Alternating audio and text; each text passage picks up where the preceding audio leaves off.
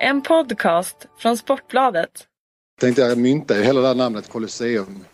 Eh, bara för att kunna säga en femte match i Kristianstad Are you not entertained Colosseum?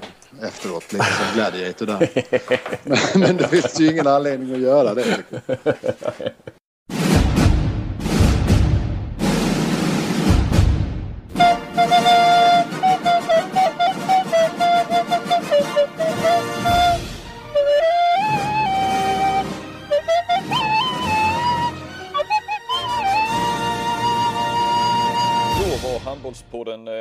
Tillbaka igen. En ny vecka. Eh, Johan Flink heter jag som vanligt och eh, med oss har vi professor. Ja, det kan ta här ja. Från ett eh, solikt eh, Beddingestrand. Vindstilla är det också. Det är väl lite skillnad där dagens poddgäst eh, befinner sig. Det är väl styv kuling kan jag tänka mig. Ja, han, eh, vi får väl lyssna här nu. Han sitter ju på flest stolar i handbollssverige. Möjligen då i konkurrens med, med Ralf Lundberg på förbundet va. Men eh, någon podd har du inte eh, dratt igång ännu Thomas Axnér? Nej, det är väl det som är den svarta fläcken i mitt, eh, på mitt register. Men eh, se om det blir någon sån i framtiden, Johan. Ja, jag kan tänka mig. Snart dyker du upp som en konkurrent där med. Efter, efter blogg och allt möjligt. Nej, Faktum är att jag faktiskt har haft funderingar på att dra igång en podd eh, tillsammans med en, eh, en eh, radiotjej som heter Susanna Damage som eh, arbetar här nere i, eh, i Skåne. Men den här podden eh, var inte tänkt att handla om handboll utan om andra saker faktiskt. Ja, okej. Ja. ja, ni får gärna dra, du får gärna dra igång en handbollspodd också så det är inte så men eh, ja, ja, där ser man. Då eh, kanske du klämmer in det också. Eh, Välkommen hit eh, Thomas till podden. Ja, tack för det. Kul att få vara med. Ja, eh, jag menar vi kan väl inte hitta en, en vi, vi, jag menar du, du har väl varit på tapeten, du är ju alltid på tapeten men eh, till slut här den här säsongen kom du också med, eh, eller fick vi tillfälle att ta in dig. Det kan väl inte bli bättre än så här med några dagar till, eh, till SM-finalen. Det är onsdag morgon när detta spelas in ska vi säga. Eh, Ja. Ja. TV4, TV4, Kvällsposten, Lugi, poddgäst. Eh, funderar på att starta egen podd, familjefar. Hur, hur hinner du med allt Thomas? Ja du Kent, det är faktiskt eh, en väldigt bra fråga som jag ställer mig själv många gånger också. Det blir ju en slags prioritering och en struktur som ibland eh, är orättvis gentemot familj och, vänner och, och de, de där behoven av att ha ett socialt liv.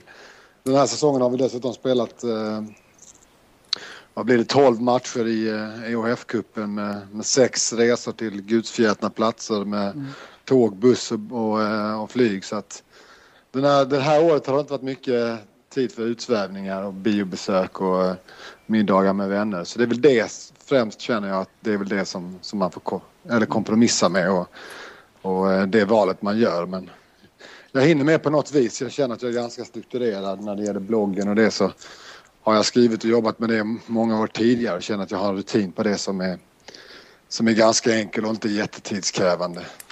Men, men, nu, eh, men nu efter, efter finalen, hur ska du fira guldet då? Ska du, åker du på semester då med familjen eller vad gör du? Ja, det är ju en bra bit kvar innan det blir ett guld. Jag är väldigt nöjd med att vi har en möjlighet att ta, en guld, eh, ta ett guld. Och eh, att de oddsen är, hyfsade och inte att det liksom är omöjligt som det var förra gången jag hade chans att ta ett guld. Så att jag brukar alltid när säsongen är slut, jag gjorde det förra året, bara åka iväg själv tre dagar och bara försöka tömma skallen. Förra året var jag i Barcelona. då, då åkte, du, så- då åkte du ner och värvade Järnemyr ja. Jag fick med honom med mig hem. Alltså, det var. Det är ju bra om du, om du tömmer skallen så fler eh, framöver. här. Det kan bli spännande att se vem du har med dig nästa gång. Ja, åka någonstans där det inte finns någon handbollsspelare. Ja, precis. Det, jag tänkte också på Thomas, du, jag pratar med dig, jag pratar med dig då och då ju naturligtvis. Inte minst nu under slutspelet med alla matcher och så. Men eh, kan det varit någon månad sedan, då kändes det som, när jag pratade med dig, att du, det hade nästan blivit lite för mycket. Jag vet inte vad du sa, du hade haft två dagar ledigt sen, eh, sen innan eh, jul där någonting. Vad, eh, vad, hur, hur, har det blivit, hur mycket för mycket har det blivit? Har du eh, liksom till och med varit på väg in lite i någon sorts vägg och sådär eller?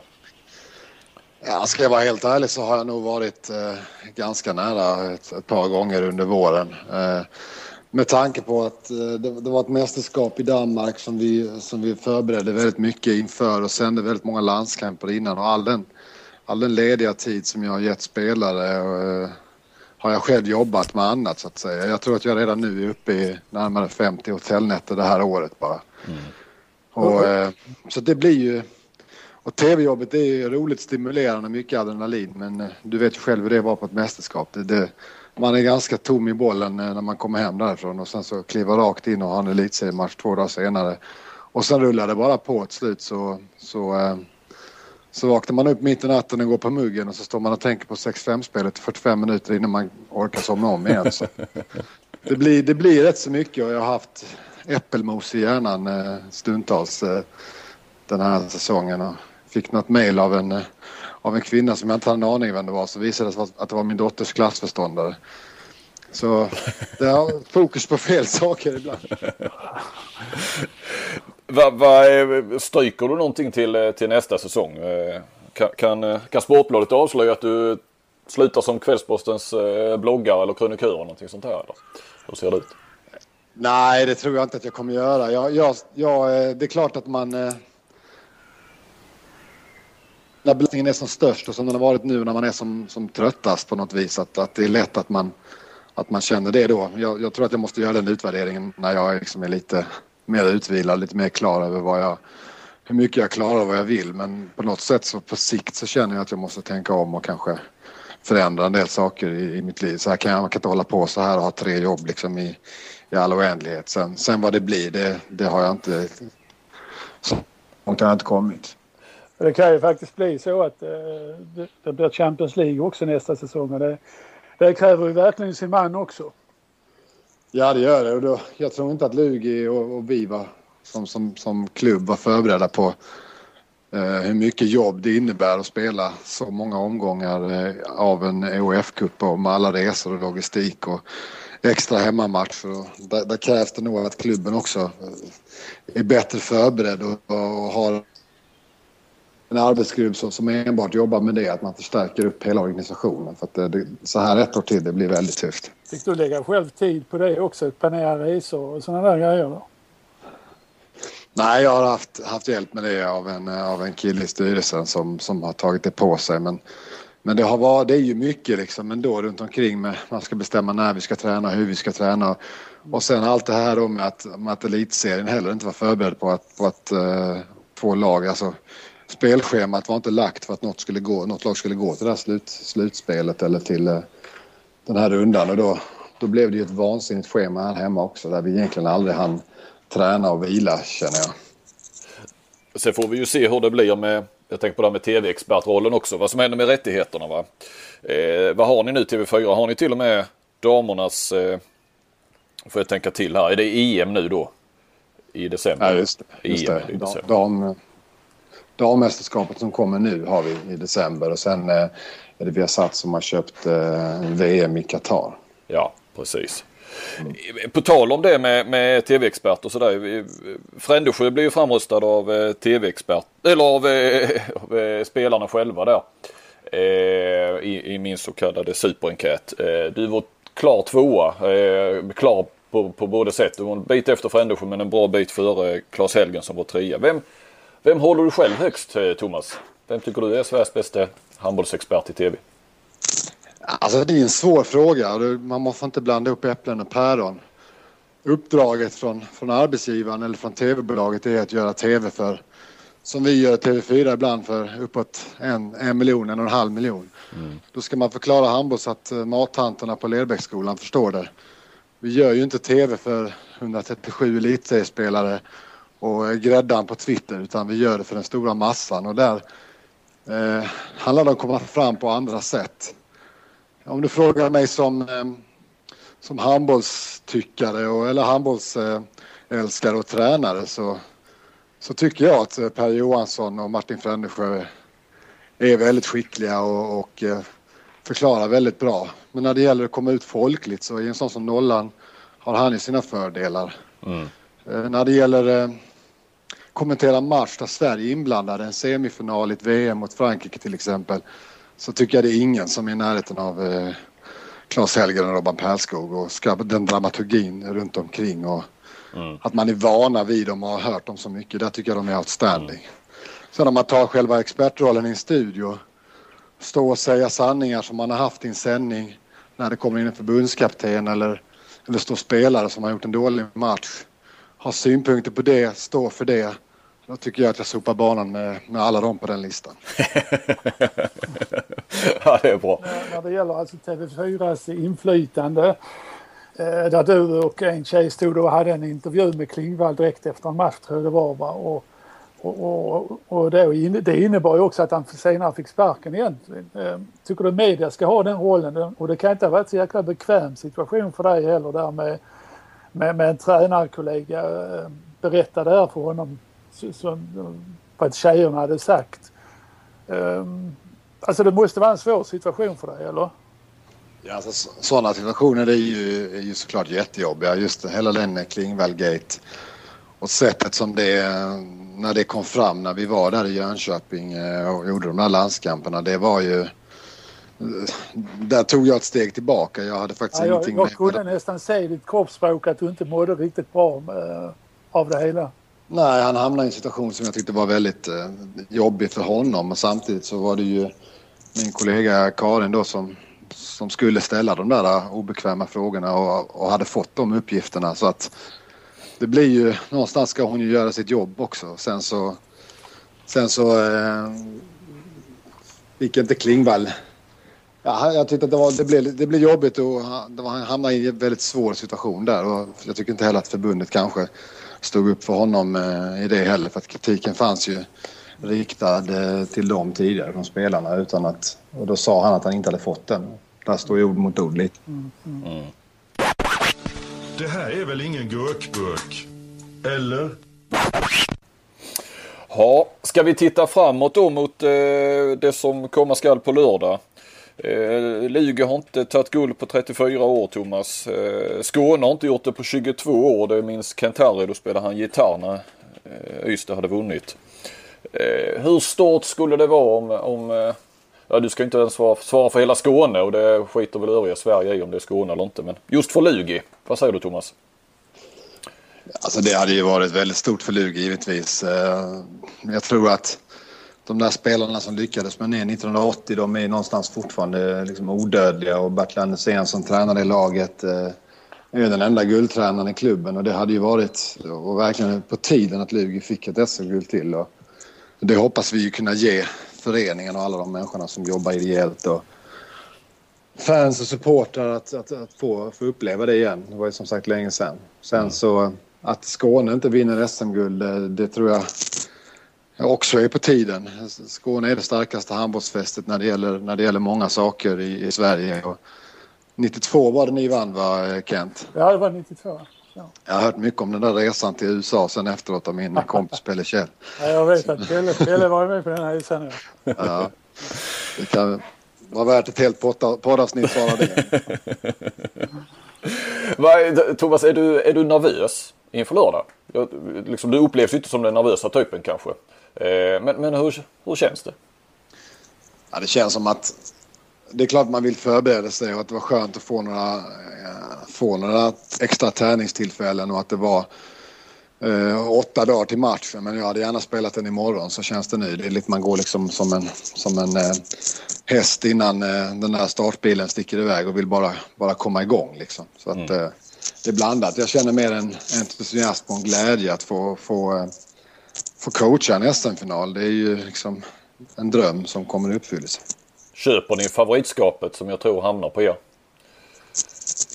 Vi har pratat om det och att, eh, att det kommer hamna i vårt knä och att, att eh, Alingsås någonstans får, kan njuta av det. Att, att, eh, att vi är favoriter till matchen i och med att vi var tippade innan, innan eh, serien startade. Och, och eh, att, att många experter kommer säga att vi, att, vi för, att vi ska vinna eller vi kommer vinna. Så det är, det måste vi lära oss hantera. Men det har ju varit någonting som vi har gjort under hela säsongen egentligen. Även när vi bara låg fyra eller femma i elitserien. Att vi, vi borde ligga högre upp i tabellen. Och vi har de och de spelarna. Men, men alltså, jag, jag tror och hoppas att killarna är, har lärt sig hantera det under året. Mm, mm. Men Thomas, egentligen har du hjärtat i H43? Är det inte så? Någonstans? Ja, det har jag ju haft. I mångt och mycket är det ju som jag, den, även om det inte är min moderförening så känns det som den klubben där jag på allvar började spela handboll och min Ja. första session där som var mellan Jag drar de här nu period. Jag kan liksom inte riktigt. Du har ju varit både som spelare och tränare och hit och dit. Jag kom dit eh, 92. Eh, Rolle Nilsson som tränade Hofte då som tog mig dit. Eh, tillsammans med Bengt BP Persson. Och så spelade jag tre och ett halvt år i klubben eh, i, eh, i division 1 och lilla allsvenskan och allsvenskan och allt vad det som fanns då. Sen gick jag på, fick jag en lång karens när jag gick till Lugi. Ja. Som innebar att jag inte fick spela, spela för Lugi förrän i februari. Och så kom jag till Lugi mitt i en, eh, liksom, en period som var väldigt eh, tung för klubben. Ilja Puljevic var tränare och fick gå bara efter några matcher där in i ett kval där vi till slut lyckades slå eh, Stavsten. Jag tror det var ett dubbelmöte och klara oss kvar i elitserien. Året efter det gick vi då till, eh, till eh, SM-final. Det är säsongen 95-96 då ja, när ni gick till Ja, finalen. precis. Och sen spelade jag ett år till efter det. Då fick vi John Varga som tränare och tror vi åkte ut i en semifinal mot Drott. och sen, ja så blev det Tyskland. Ja, sen var jag i Tyskland i några år och sen kom jag tillbaka och spelade i H43 från, ja herregud vad blir det, 2006, 2007 till eh, 2011 kan det vara det, 2010, någonting i den stilen. Ja. Mm. Och vad gjorde du sen? Blev du tränare i Sen Luleå blev då? jag assisterande tränare till Sanotti. Ja, så var det ja. Och så var jag det ett år och sen så hade vi ett års delat ledarskap och sen, sen bytte, vi, bytte vi jobb efter det. Så nu är det här mitt andra år som, som huvudansvarig för, för Lugi. Och, och, och vi är nu inne på spelarkarriären lite grann som vi var. Va, landslagsspel blev det ju aldrig. Eh, men du var på ett landslagsläger. Men, men, då, men då förstod du att du inte, att du inte stod så högt upp på, på Bengans eh, lista. Va? Vad, vad var det han sa där? Eller du måste ju dra den här. Det. Ja, men det fanns ju många ledtrådar till att jag inte stod högst upp på hans lista. Det, har jag, det, har man, det, det fick jag genom åren liksom. Eh, jag, jag tycker själv att jag var väldigt ödmjuk i början och sa att det är han som bestämmer och det är tränaren som tar ut laget och jag jobbar på och krigar på. Jag tror till och med att jag stannar kvar. Jag hade faktiskt ett anbud från, eh, från Flensburg eh, innan, innan jag drog iväg till Tyskland och kunde gått dit men skippade det för att kunna ta den här chansen att få spela i landslaget. Sen hade jag två fantastiska år där, där mina två första säsonger i elitserien. Nästan, eh, jag tror jag nästan gjorde 450 mål på, på två säsonger där. Ja. Eh, och så, till slut så fick jag ett, eh, en inbjudan till ett landslagsläger i Halmstad. Efter att hade gjort 16 mål mot Guif i en match i Lund. och eh, jag kom dit och sen så eh, presenterade han alla spelare som var där och det var ju spelare från division 1 norra, division 1 södra som man inte hade en susning om vem de var. Och så säger han, men ja, så har vi han den där lilla kantråttan från Lugi också. Vad är det nu du heter? och då kände jag att eh, okej, det blir tufft. Ja, men du, var, du gjorde några träningar då där helt enkelt ja. Ja, vi gjorde, jag gjorde några träningar där och sen Ja. så åkte jag hem och sen, det var väl den kontakten vi hade. Han, han förklarade faktiskt för mig efter en match i Halmstad att eh, han hämtade in mig i omklädningsrummet eh, och hämtade ut mig så sa han eh, ja, egentligen så borde du få chansen nu men samtidigt så känner jag att jag har två äldre spelare och Pierre Thorsson och Johan Pettersson. En ung och en gammal. Jag vill satsa på dem eh, till ett OS så jag kan inte stå med två gamla spelare. Så det fick man väl köpa då. ja. Eh, Ja, Kent? jag, jag vet att din motståndare nu i, i, eh, i finalen på, på lördag, Mikael Franzén. Um, han sa till mig att, eh, jag pratade med honom för några dagar sedan, han sa till mig att han, hade, han kom inte ihåg att du varit inne på linjen där 96 överhuvudtaget och eh, där, där han hade utdelat några, några armbågar sådär till, till dig. Och sen, sen när jag tänker efter lite grann, men, eh, mina egna videoanalyser när du var i Tyskland och vi vi mötte dig så har jag inte heller något minne av överhuvudtaget att du har varit inne på linjen. Eh, däremot, däremot så kommer jag ihåg att du var, du var fantastisk på, det visar jag alltid mina spelarsekvenser på, när du snodde bollen när mittnian passade till vänsternian. Idag så går man ju ofta ut och, och, och, och låser fast spelet där. Men du tog så jäkla många bollar där. Jag vet du var bra på att läsa spelet antagligen och så var du snabb också. Med, med, med någon linjeråtta, det var du i alla fall inte, det kan jag garantera. ja, du, gav, du gav dig inte in där Thomas? Nej. Nej, jag, ofta i Bundesliga var det så att man ofta låtsades inte höra den och skrek att man skulle springa in. Det var inte skulle springa in där mot Carvadec och, och Stibler och alla de här djuren som spelar där utan man, man låtsades att man inte hörde speciellt på bortaplan. Så att det kan ligga någonting i det. Jag var kanske bättre på att dela ut tjuvnypen än att ta stryk, det får man kanske säga.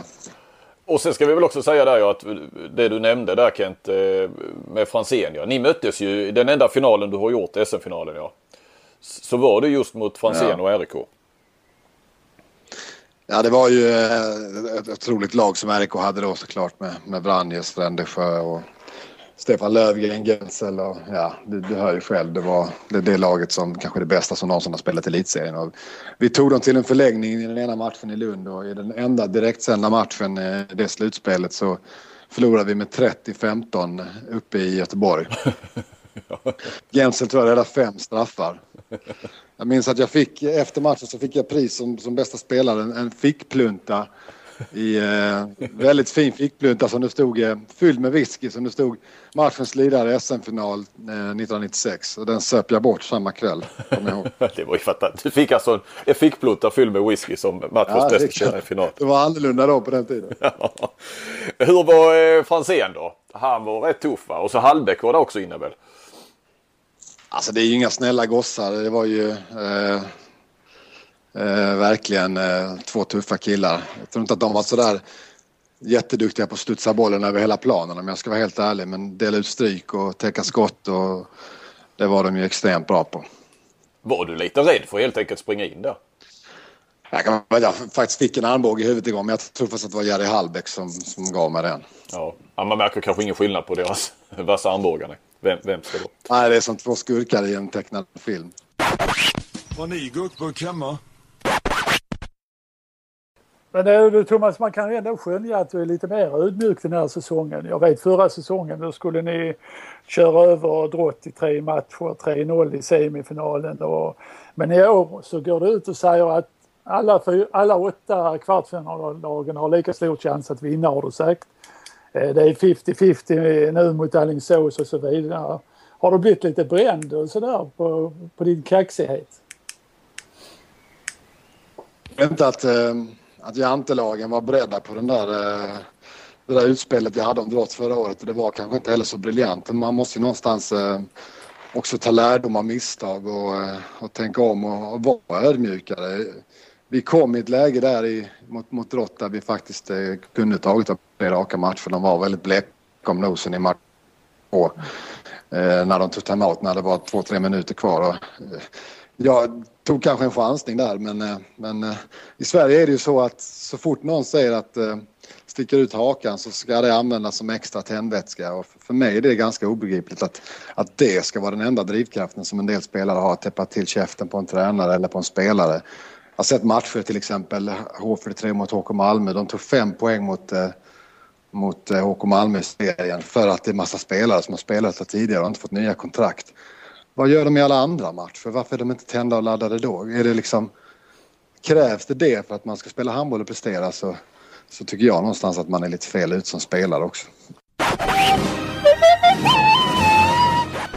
Apropå eh kaxig och ödmjuk. Eh, om jag då än en gång skulle citera eh, fredagskvällens tweet från, från din före målvakt Linus Persson som idag spelar i Danmark. Eh, han skrev då eh, efter att ni har slagit ut Kristianstad. Känns som Axnér kommer att sitta rak i ryggen när Ola Lindgren gästar TV4 Studio nästa gång.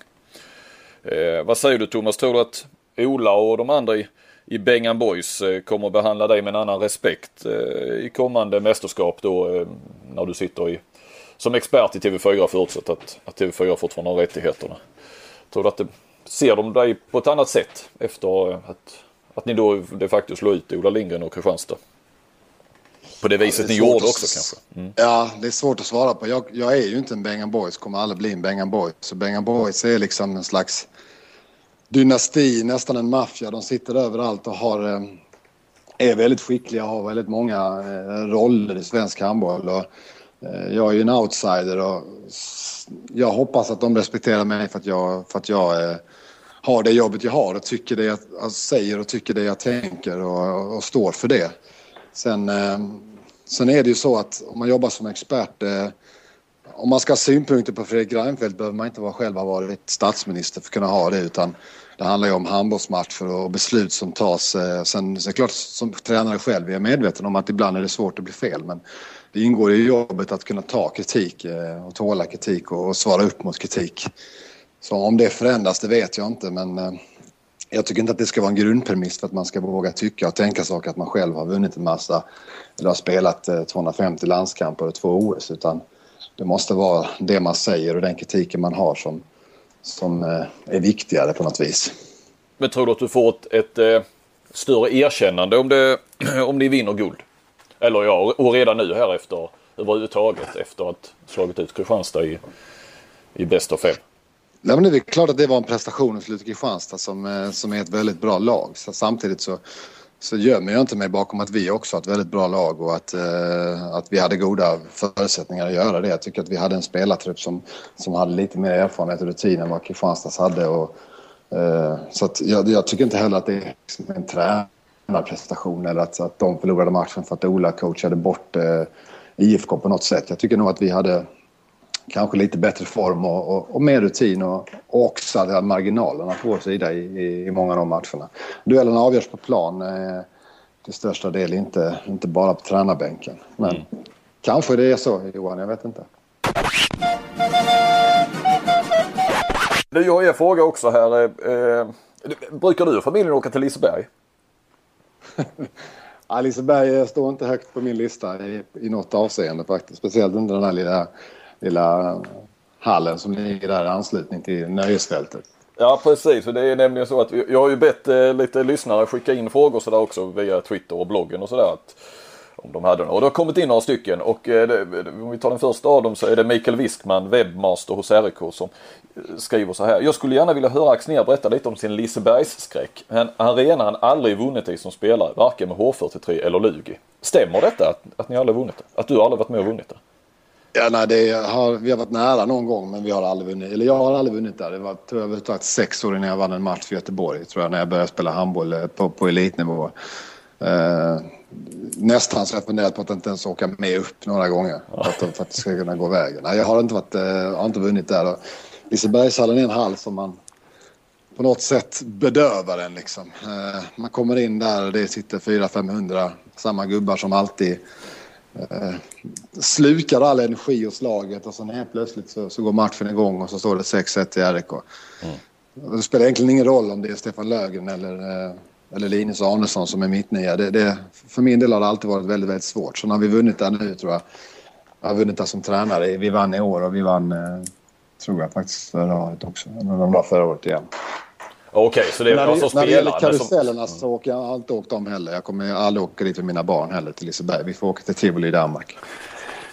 Ja, jag har ju börjat syssla lite med coaching nu på gamla dagar och eh, ett väldigt verk, eh, viktigt verktyg inom coachingen det är det här med, med metaforer. Och eh, Thomas, du är ju för mig metaforernas mästare alltså. Var kommer det ifrån? Får du alla de här metaforerna spontant eller läser du mycket och så vidare? Jag är riktigt avundsjuk på, på dig när det gäller de här metaforerna.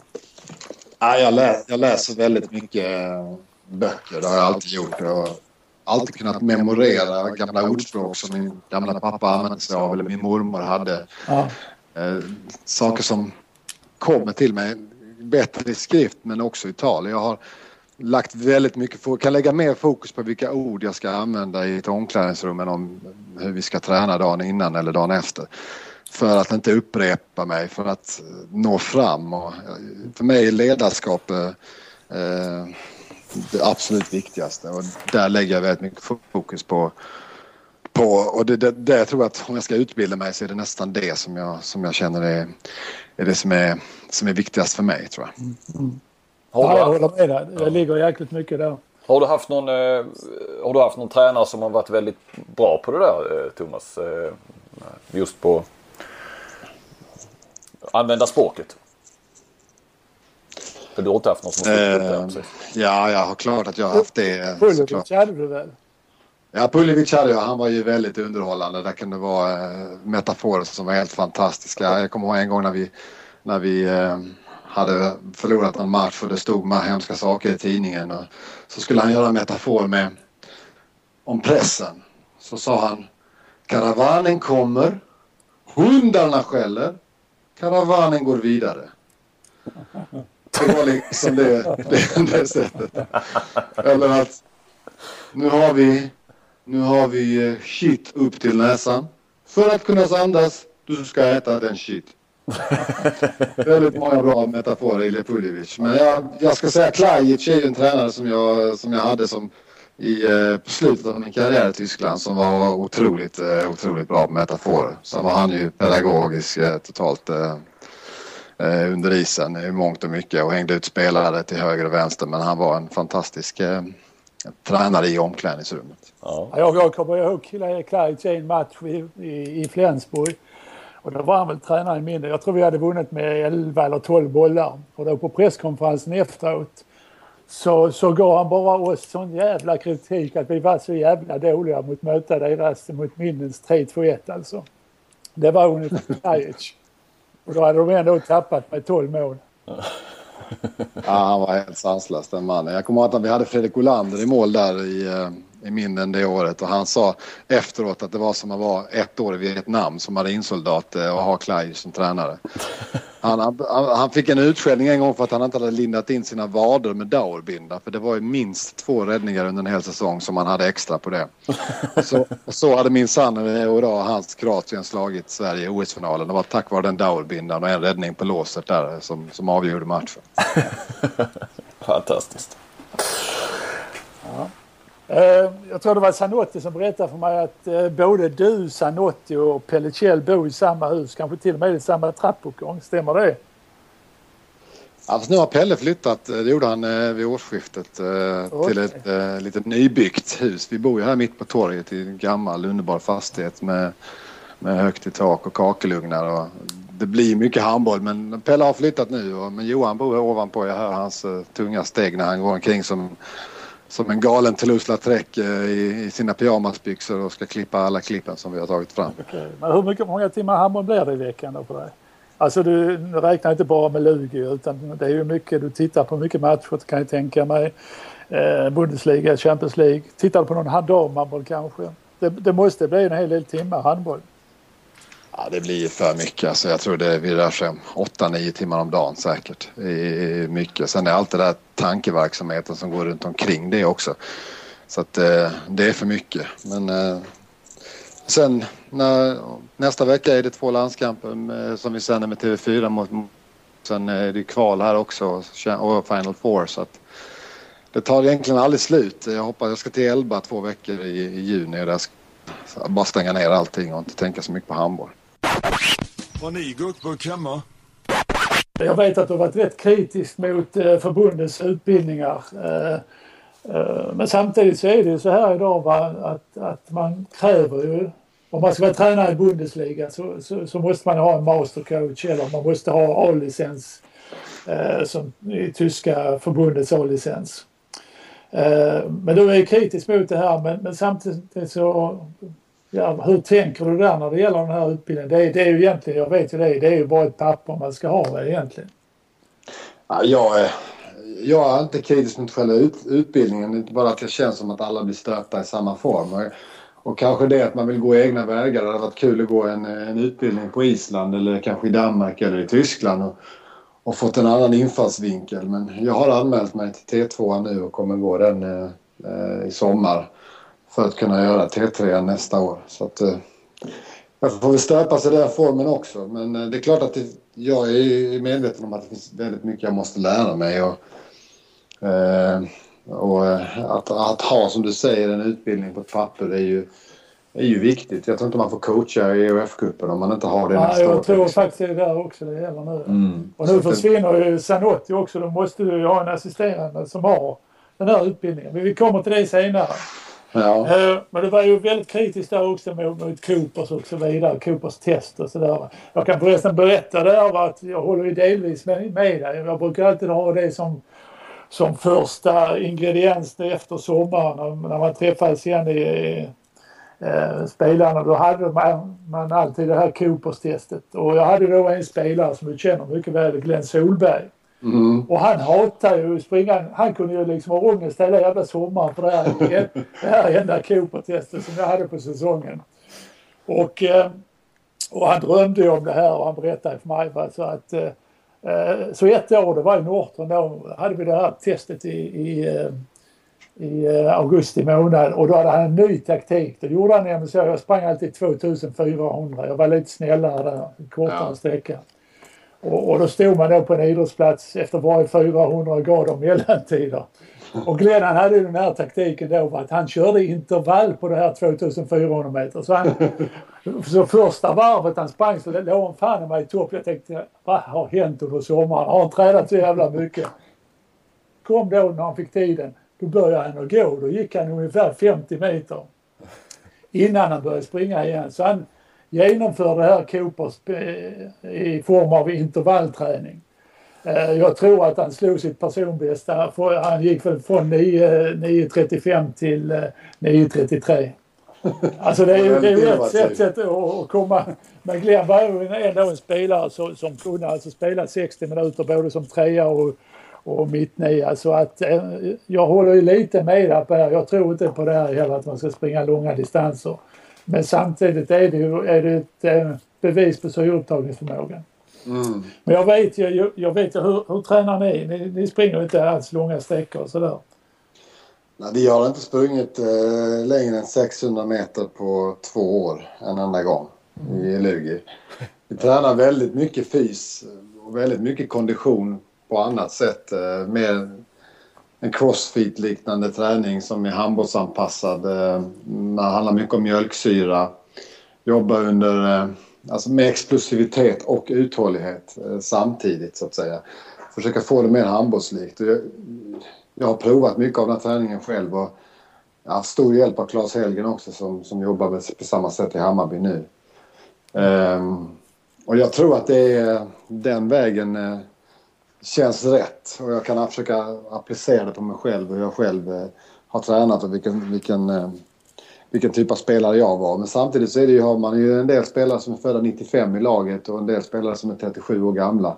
Och de kan inte träna likadant. Det finns inte, det finns inte en chans. De yngre spelarna tränar mycket mer traditionell styrketräning, eh, har en mer uthållighet för att bygga sitt hus eh, fysiskt. Medan en del spelare som är äldre, som är sin prime time som Anders Hallberg till exempel, har försökt förklara för honom att du behöver inte väga 5 kilo mer för att ta dig mellan två försvarare som ändå kommer väga 15 kilo mer än vad du gör. Det handlar om att bli lite snabbare, lite explosivare så att det inte blir frikast eller styrmefall utan genombrottsstraff eller mål. Det är, så tänker jag mycket kring det. Ja, men det är intressant. intressant. Eh, och du har ju trots allt fått resultat med det också kan man ju säga efter, definitivt efter den här säsongen. Ja, Alingsås tränar ju liknande. Jag såg något reportage där. De hade ju en eh, friidrottstränare som hjälper dem och mm. ganska snarlikt det vi gör här tror jag. Och jag vet inte om det är en slump att de två lagen är i final men jag, mina spelare, det handlar om att spelare måste köpa det också för det ändrar man så radikalt i någonting som man har gjort hela sitt liv så blir det liksom det är en stor omställning för spelarna. Och sen finns det ju en placeboeffekt också på att folk ja. tror att det här är det rätta och så vi ska köra. Ja, och sen det är ingen annan som lite, gör det. Lite förändring också, vilket ja, i regel är rätt motiverande. Ja. Uh, Zanotti han försvinner ju nu här efter den här säsongen. Uh, och vad jag förstår så har han lagt ner jäkligt mycket tid på framförallt videoklippning. Uh, alltså, ja. ja, förlåt. Johan är en stor tillgång för mig givetvis och eh, vi har ett väldigt, väldigt nära samarbete och det blir en stor förlust för mig att han försvinner. Och dels det här jobbet som du säger med analysen av motståndare. Och han har lagt väldigt mycket jobb på vårt försvarsspel tillsammans med då de rutinerade försvarsspelarna vi har. Där känner jag mer att jag bara har Erik som en... Eh, den som tar beslutet när de inte är överens. Johan är, betyder väldigt mycket för mig och det blir ett stort avbräck. Samtidigt har vi jobbat ihop fyra år och vi är väldigt nära varandra. Både privat och, eh, och jobbmässigt. Så att, det blir också att man vet den andra styrkor och svagheter och det kanske också blir så att man inte utvecklar sig själv på det man borde utveckla. Både för honom och för mig. Och jag tror att någonstans blir det naturligt nu för honom att gå vidare och, och prova vingarna igen som, som första tränare. Och sen så ställer det ju krav på mig som tränare att komplettera upp allt det jag förlorar och då får man ju leta någon som... Men, men kommer du leta en efterträdare som är duktig på just den här videobiten? Ja, det, det, behöver jag. Men det är ju någonting man kan... Den kan man ju alltid plocka in tror jag externt utifrån. Mm. Jag känner att jag... Eh, och det måste jag ju också lära mig själv. Jag sitter ju och tittar. Jag såg tre matcher med Alingsås i natt och lämnade fyra lappar till, till Johan i morse. Så, på klipp som jag vill ha som ska plockas ut. Så, mm. Sen är han otroligt... Gör det väldigt snabbt och otroligt bra på att lägga upp medlin och inspirerande bilder och roliga klipp emellan. Han är ju liksom fenomenal på det. Mm. Men samtidigt så... Om jag ska hitta någon som, som hjälper mig i framtiden så får det vara någon som, som jag tror också eh, har lite andra styrkor och svagheter än vad Johan har för att jag ska liksom få en utveckling i mitt eget, mm. mitt eget med som själv som tränare. Ja. Mats, Mats Engblom är ju också en sån här videofreak och han har ju precis i tre år renoverat sitt hus i Ystad och, och har, har byggt pool och han är inte så pigg på att flytta därifrån. Och det är ju ett ganska bra pendlingsavstånd till Lund också. Skulle han kunna vara aktuell? Alltså Mats Engblom är en tränare som, som också är väldigt duktig på, på sidelines och på klippa och, och har haft den rollen tidigare både i, eh, i Hammarby bakom Staffan inledningsvis. Så det, alltså det är ju, han har väldigt många kvaliteter. Just i nuläget så, så lever jag extremt mycket i nuet och, och, och eh, med slutspelet. Och, så jag har faktiskt inte lagt sådär väldigt mycket medvetet eh, energi på, på nästa år eller tankar kring nästa år utan försöker bara eh, liksom, vara i nuet och, och, och, ha full fokus på, på den här veckan och den här matchen som ska spelas på lördag. Sen, får, sen är det lite tid att tänka på det. Vet du vilket mitt eh, huvudtips är eh, som assisterande tränare? Nej. Det är Pelle Kjell. Jag tror du kommer att ha honom som assisterande nästa säsong. Eh, ja. Mycket därför att Pelle Kjell är ju en kille som har, han har ett fantastiskt handbollshuvud. Mm. I klass med då Johan Vanjes och Magnus Andersson. Eh, nu vet jag inte eh, ifall Pelle eh, vill eller sådär va, men det är mitt tips. Alltså Pelle är ju, är ju vi är nära vänner och har varit väldigt närvarande under många, många år. Jag tror att det ska bli svårt för oss att jobba ihop eh, på det sättet. För dels för att jag vet exakt vad han kan och han är... Där känner jag mig ofta många gånger att, att, att som du säger att han har en otrolig kunskap och det får jag av honom i alla fall om jag ringer honom och frågar vad tycker du? Sen så ska man kunna jobba ihop också. Jag känner att, att vi är nog för nära varandra för att det ska, för att det ska bli bra. Så Kjell han får, han får fortsätta jobba gratis helt enkelt? han får jobba gratis. han ska inte behöva ta betalt för, dina, för sina ja, Han har startat ett projekt på, eh, där han eh, liksom, har, kommer ha hand om hela damsidan i Lugi när det gäller egentligen all utveckling av spelare från, eh, från eh, ja, utvecklingslag hela vägen ner till, till flickor B tror jag till och med. Så att han han har ett stort projekt i klubben nu där han är precis rätt man på rätt plats. Och som, som, som Kent säger, när det gäller... Han har handbollen under naglarna. Du kan väcka honom klockan tre på natten så löser han ett 3-2-1 försvar eller vet var linjen ska stå. Mm. så är det. Det här är väl ingen gurkburk? Eller? Mm. Vi återgår lite till finalen här nu mot Alingsås. Vilka spelare från Alingsås skulle platsa i Lugis första sjua? Ärligt, ärligt, ärligt talat nu.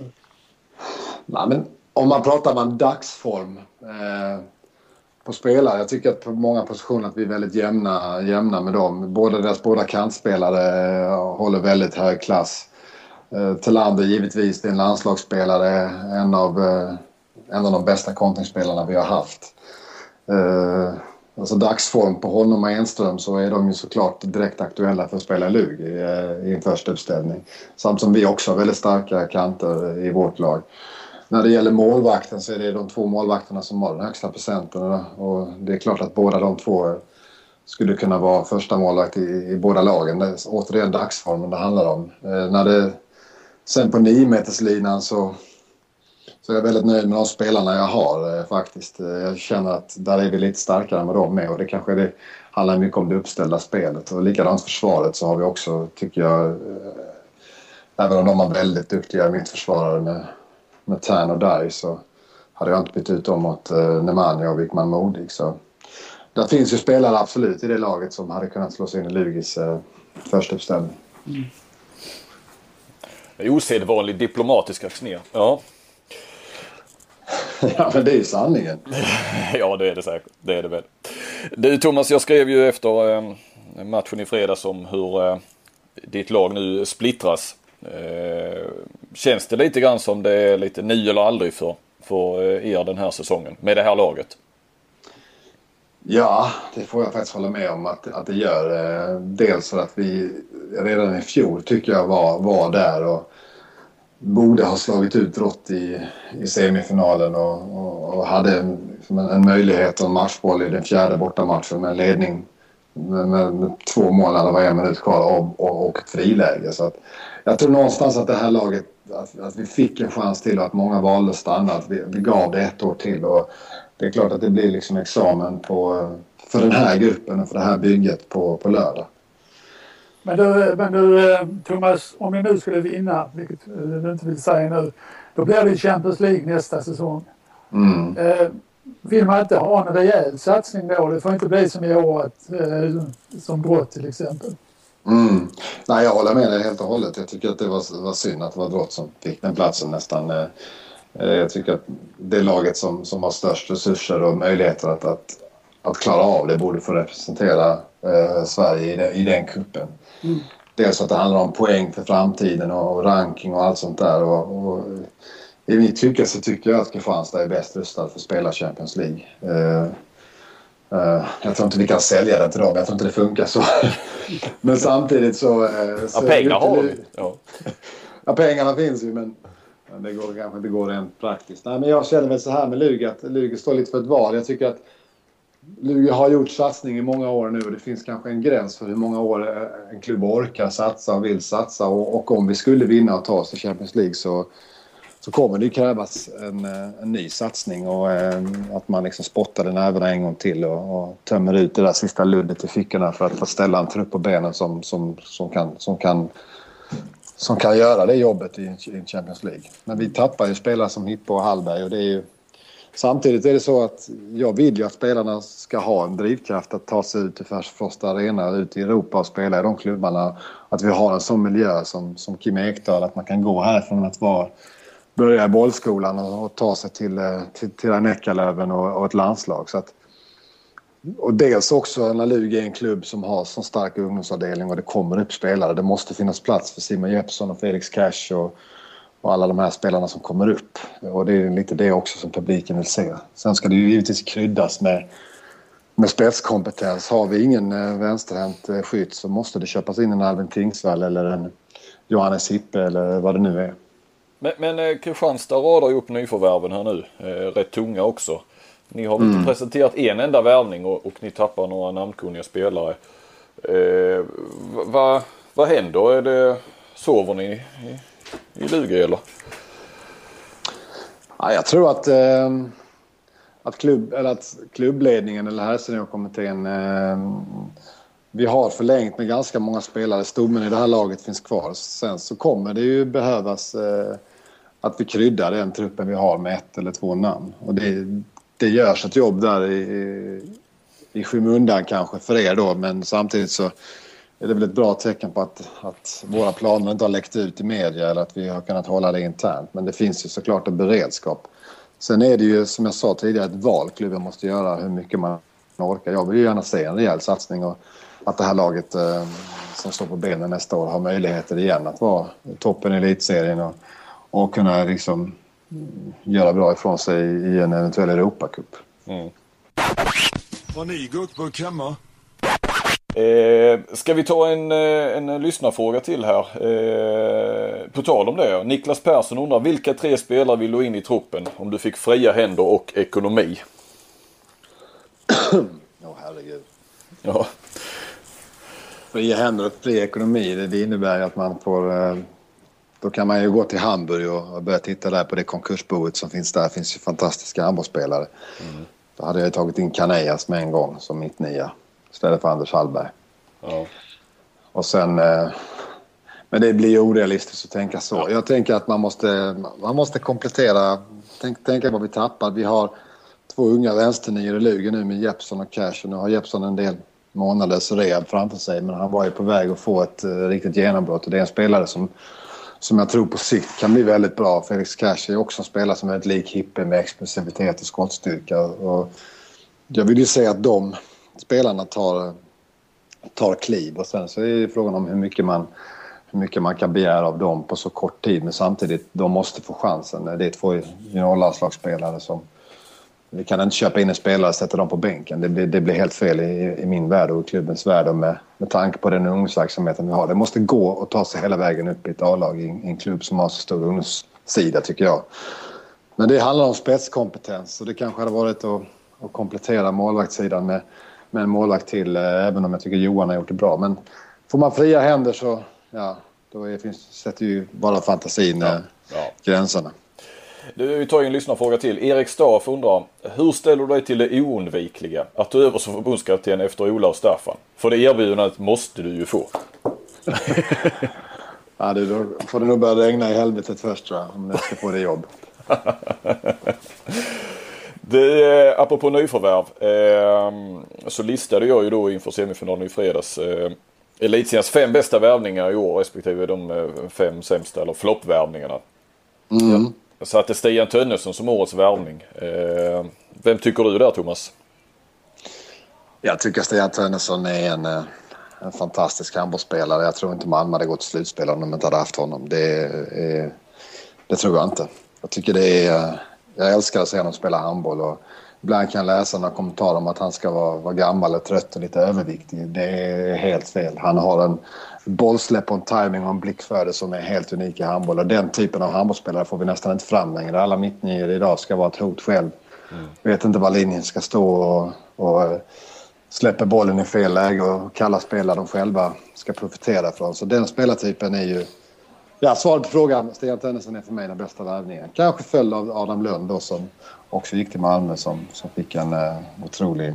Ja, det var ett jäkla fynd han gjorde där ja. Eh, Magnus. Ja. Men, men Stian, va? Kent, du hade Tvinger med i den värvningen? Ja, det hade jag faktiskt. Jag hade ju Stian när han var en ung spelare i, i Drammen i två år och känner honom. Jag har haft en kontakt med honom hela tiden. Jag var i Tyskland också. Och eh, när Ystad tackade nej till honom för det var ju bestämt att han skulle flytta till Ystad och bo där. Hade, hade köpt hus där. Han är ju svärson till Basti Rasmussen ska vi ju säga också.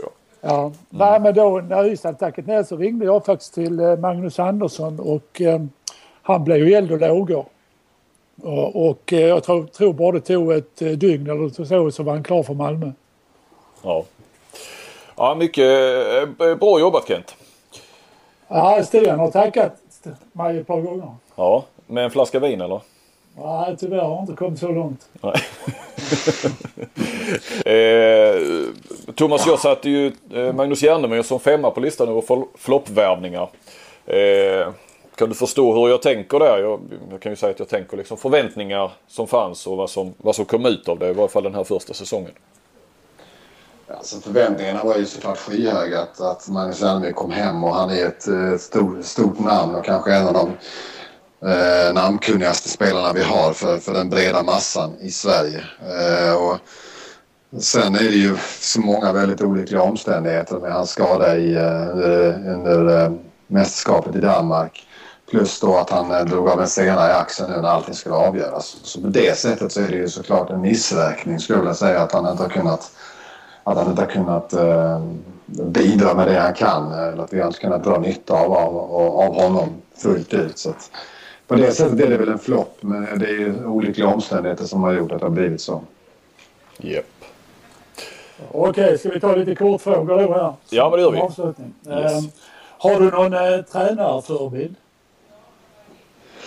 Ja, jag har eh, många förebilder givetvis. Jag har haft många äldre tränare. Eh, Ivanescu, rumänen, eh, som du också känner till, Kentari, Klajic, eh, Rumanov, Arno Eret, Kurtagic. Jag har många av de här äldre herrarna som jag har otroligt stor respekt för. Och jag har varje gång jag kommer hem från en träning suttit och ritat ner exakt vad de har gjort och saker de har sagt och, och sådär. Så att mycket av, av det internationella Eh, sen som jag har försökt koka ihop till någonting som ska funka på svenska spelare. För jag tror det är väldigt svårt att applicera den där hårda, brutala Bundesliga-verkligheten på, på, på svenskar och unga svenskar och en grupp där man är van att få, få tycka och tänka och vara lite semi-professionell. Så att de namnen jag nämnde är väldigt viktiga för mig. Men du satt alltså eh, tidigt eh, i din eh, spelarkarriär då, eller tidigt tidigt, du kom ju fram sent och allting blev ju sent. Men att skrev ner och, och så här och hade med dig och hade tankar på att bli tränare redan då eller? Jag, jag vet inte om jag hade tankar men jag tänkte väldigt mycket på det här med individuell teknik och eh, som Klajic till exempel. Vi kunde stå 45 minuter och slå passningar eller 45 minuter och stå och skjuta vikskott. Och, och han hade otroligt, otrolig fantasi och det började anteckna det. Jag har liksom en hel låda full med, med papper och lappar och, och spelsystem och, mm. Och små samarbeten mellan två, tre spelare som, som, eh, som för mig har varit, eh, jag tror det är en skattkista. Mm. Mm. Okej. Okay. Eh, bok på nattduksbordet? Ja, för tillfället läser jag en, eh, faktiskt en norsk bok på norska som heter Ut och stjäla hästar. Som en författare som heter Per Pettersson har skrivit. Som handlar om en man som, som ger, sig, ger sig iväg ut i naturen och, och lever där ensam med sin hund. Okej. Okay. Eh, bästa kompis? Ja, det är nog faktiskt Johan. Det har blivit så. Eh, det känns som vi är, är dömda att vara tillsammans på något vis. ja, det är bra. Eh, bästa vin? Vi håller oss till röda. Ja, alltså jag, ehm, jag är, dricker väldigt mycket italienskt vin eh, och, och då är det... Amarone? Ja, jag ska säga att jag är mer inne på, på, på Chianti-viner för tillfället faktiskt. Sen så har jag, jag har också lärt mig att dricka eh, bourgogner och, och, och även spanska viner. Jag har rätt svårt att plocka ut någon specialitet men jag dricker eh, mer vin än vad jag borde faktiskt.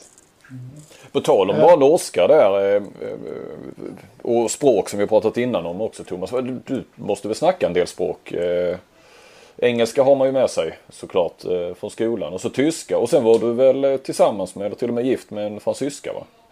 Mm, det stämmer. Ja, jag har det och nu min, min nuvarande sambo är ju, är ju um, hennes pappa är från Eritrea och de har väldigt starka band till Italien och hon pratar flytande italienska och där har jag också börjat det är mycket Italien och jag har lite språkare. Jag känner att jag verkligen... Danska och jag älskar att prata också och försöker alltid titta. Men jag är intresserad av språk. Jag läser böcker på tyska och försöker hålla uppe det. Och, mm.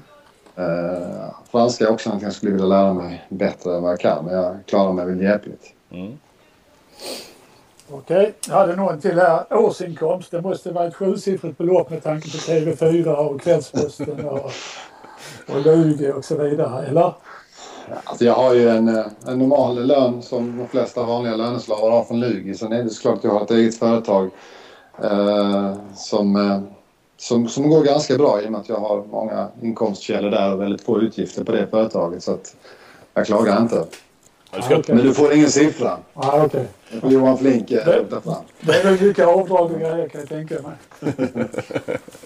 ja, ta ett jobb i Norge. Du verkar ju inne på Norge nu när du läser norska böcker. Det, där, där finns det pengar. Det vet ju vissa, av, eh, vissa i den här podden i alla fall. Det här är väl ingen gurkburk? Eller? Jag tänkte eh, lite här, vi ska börja runda av. Eh, Kent ska ut spela golf. Ja, det är klart. Vi, eh, vi har ju varit usla tippare, Kentari och jag. Eh, ja, tala lite för dig själv. Jag har, haft, jag har haft många rätt också. Ja, du hade väl Ystad till eh, SM-guld till Ystad så sent som i mitten på mars skulle jag tro. Ah, okay. Ja. Eh, men nu vänder vi oss till dig istället Thomas då. Hur, eh, SM-finalen, då blir det så mycket hjärta och sådär så den behöver du inte tippa. Men hur slutar, vi har ju ett Final Four här i nästa helg igen som är en verklig höjdpunkt på, på året. Eh, hur går det där? Flensburg, Barcelona i ena och Veszprem, Kiel i den andra. Jag har ju inte riktigt samma uppfattning som eh, Kantare där när det gäller Kiel. Eh, för mig är det liksom en, en, stor maskin som alltid är bra när det väl gäller. Och, och eh, även om de har vacklat och har inte alls samma bredd och liksom samma toppar som de hade tidigare så tror jag faktiskt att de, eh, att de slår Veszprem även om Veszprem är brutalt bra nu. Och sen tror jag att de får stryk av, eh, av Barcelona i finalen. Yes. Står du fast vid Flensburg Kent? Naturligtvis. Jag ändrar mig aldrig där. På tal om Kiel så har vi avslutningen av Bundesliga också kvar. Eh, till helgen. Kiel eller rhein Jag vet inte vad har rhein De har... Eh... Gummersberg, Thomas gamla klubb för sin sista matchen. Ja, borta. Precis. Eh, och vad har... Eh... Ja, de har en svår kvar där med Fuxen Berlin. Ja, Kiel ja, precis. Ja. Och, och rhein löven har nio mål att gå på va? Eh, sju, sju, sju, sju. Ja. Hur slutar det då? Ja, jag tror att rhein även tar ligan. De, gör, de tar ligan. De eh, har varit eh, och, och förtjänat det också. De har slagit Kiel eh, både i kuppen och den här fantastiska matchen eh, hemma i, i Mannheim. Så att rhein tror jag, tror jag tar det. Ja, jag är helt enig med Thomas där. Mm. Och där har vi Kim Ekdahl. Thomas, eh, hur mycket kontakt har du med honom, din gamle spelare? Kommer han till spel i, i VM-playoffen sen tror du? Eller? Ja, det ska han ju göra. Alltså, han är ju, Kim är ju liksom en speciell kille som, som uh, går sina egna vägar och han är ju otroligt uh, charmig att ha med att göra på, på många sätt. Jag har kontakt med honom uh, emellanåt faktiskt. Han kan komma hem och vilja dricka en kopp kaffe och då pratar vi väldigt sällan handboll utan nu är det andra saker. Och, som, som gäller. Och sen så, vi har en del kontakt på Facebook. Jag hade gärna åkt ner och sett någon match men det har inte funnits tillfälle att göra det. Jag har alltid varit en, en dröm för mig att få se honom spela i, i Bundesliga i en hemmamatch. Mm. Jag tror han kommer till spel och jag, det känns ju som att det är väldigt viktigt också nu när, när Larholm har tackat nej och, och det saknas en del spelare. För de här Rumänien är ju betydligt mycket bättre än vad, än vad de var mot Finland när de förlorade det kvalet. Och saknar en del spelare. Vi har ju mött de här konstanta nu också. Där finns ett par riktigt bra spelare i, i, i det laget. Ska vi ta en, eh, vi brukar alltid kolla lite Danmark-Norge också. I eh, Danmark så vann Kolding som, som väntat då guldet. Eh, I Norge har, eh, har det ju hänt en del. Som ändå ja, gjorde slutspelet intressant. Det var den första finalen mellan Bäckelaget och Elverum där, där Elverum vann med 30-23. Spelar andra matchen ikväll i Elverum. Men det var ju det här med Nack och Medina. Han fick ju rött kort och utmärkte sig igen. Men jag har ju sett den här videon från det här tillfället eh, där det hände och jag får säga att eh, han är ju helt oskyldig här. Det är ju den andra, andra killen som äh, lägger fälleben på honom och, och sen reagerar Medina efter det. Va?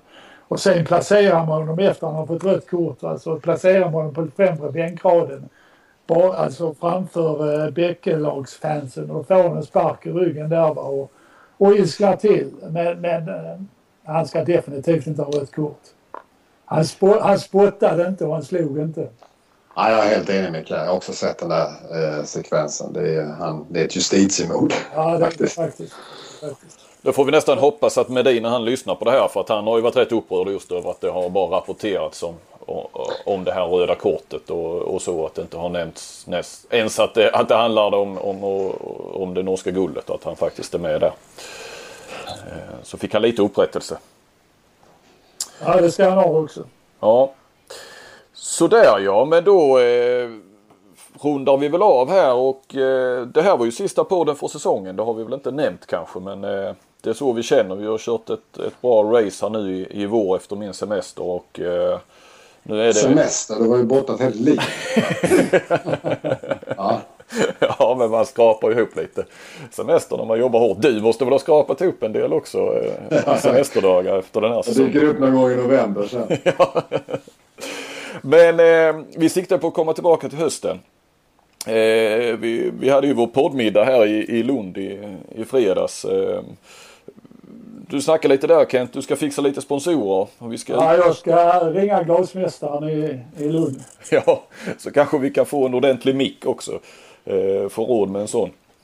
Eh, och så ska vi utveckla med lite nya moment och sånt där. Vi har ju eh, några månader på oss i sommar och, och fila på. Du vill ha lite mer musik? Eh, ja, definitivt. Definitivt. Ja. 60-talsmusik va? Mycket Abs gitarr. Ja, absolut. 60-tal skulle det vara. Ja.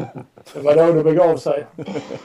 Ja, det är härligt. Det är härligt Kent Harry. Det är som är, jag är född på 60-talet. Jag hann med 30 dagar där så jag sympatiserar med Jag hörde ju nu, eh, Filip och Fredrik kör ju sin podd, jag brukar lyssna på den och de ska ju avsluta med, med en spel, in, sån, ja, spelning och en inspelning, eh, sista, sitt sista poddavsnitt i Globen inför en rekordpublik. Vad, tror du att vi skulle kunna fylla Colosseum i, i Kristianstad Ka- Kent? Kanske inte Colosseum, men definitivt biblioteket. Ja.